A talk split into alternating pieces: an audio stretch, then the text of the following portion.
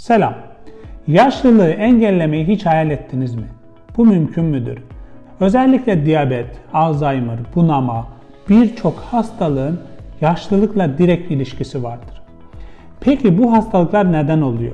Özellikle yaşlılıkta DNA'daki kimliklerin, hasarların meydana gelmesi bizim yaşlanmamıza en büyük sebeptir. Peki bu bizim elimizde mi? Bunu değiştirebilir miyiz? Öncelikle bunu anlamamız için DNA'yı, geni çok iyi anlamamız lazım. DNA aslında 2 metre uzunluğunda çok uzun bir moleküldür. Ama nasıl oluyor da bu 2 metre uzunluğunda bir molekül gözle bile göremeyeceğimiz hücre çekirdeğinin içine hatta mikroskopla bile göremeyeceğimiz hücre çekirdeğinin içine sığıyor. Bununla ilgili insanlarda, canlılarda harika bir DNA katlanma, DNA sarılma mekanizması var. Bunlar özellikle DNA histon proteinleri yardımıyla harika bir biçimde sarmal oluşturarak hücre çekirdeğine depolanıyor. Bu sarmal özellikle anne karnında gerçekleştiğinde her bir DNA'nın, her bir genin üzerine kimlikler yani tanımlamalar yapılıyor. Bu tanımlamaların adı DNA metilasyon işlemidir ve hangi hücrenin nerede görev alacağı, hangi genin hangi noktada aktif olacağı, hangi noktada pasif olacağını belirliyor.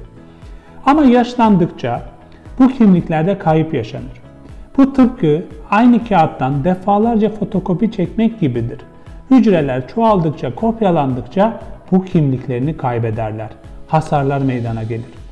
Yani karaciğer hücresi ile göz hücresi aynı DNA'ya sahip olmasına rağmen biri karaciğer hücresidir, biri göz hücresidir. İkisinde aktif olan genler başkadır.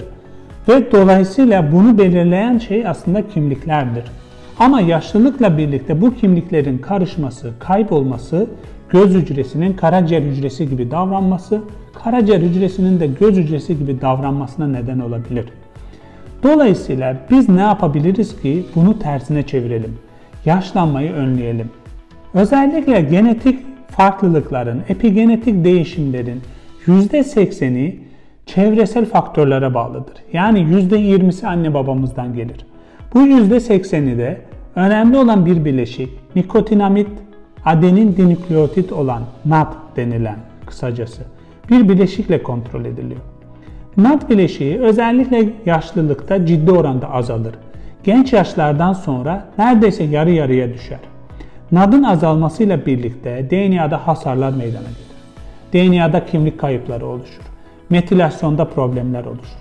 Dolayısıyla NAD çok önemli bir moleküldür.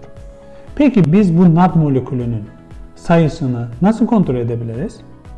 NAD molekülü özellikle dışarıdan takviye edici besinlerle kontrol edilebilir. Ama bunun da yanında günde iki öğün hatta bir öğün tüketerek NAD sayısını ciddi oranda artırabilirsiniz. Bununla birlikte aralıklarla aç kalmak yani ayda bir aç kalmak veya iki ayda bir aç kalmak yine NAD seviyelerini önemli ölçüde artırıyor. Diğer taraftan egzersiz NAD seviyelerini artırmakta en önemli faktör olarak karşımıza çıkıyor.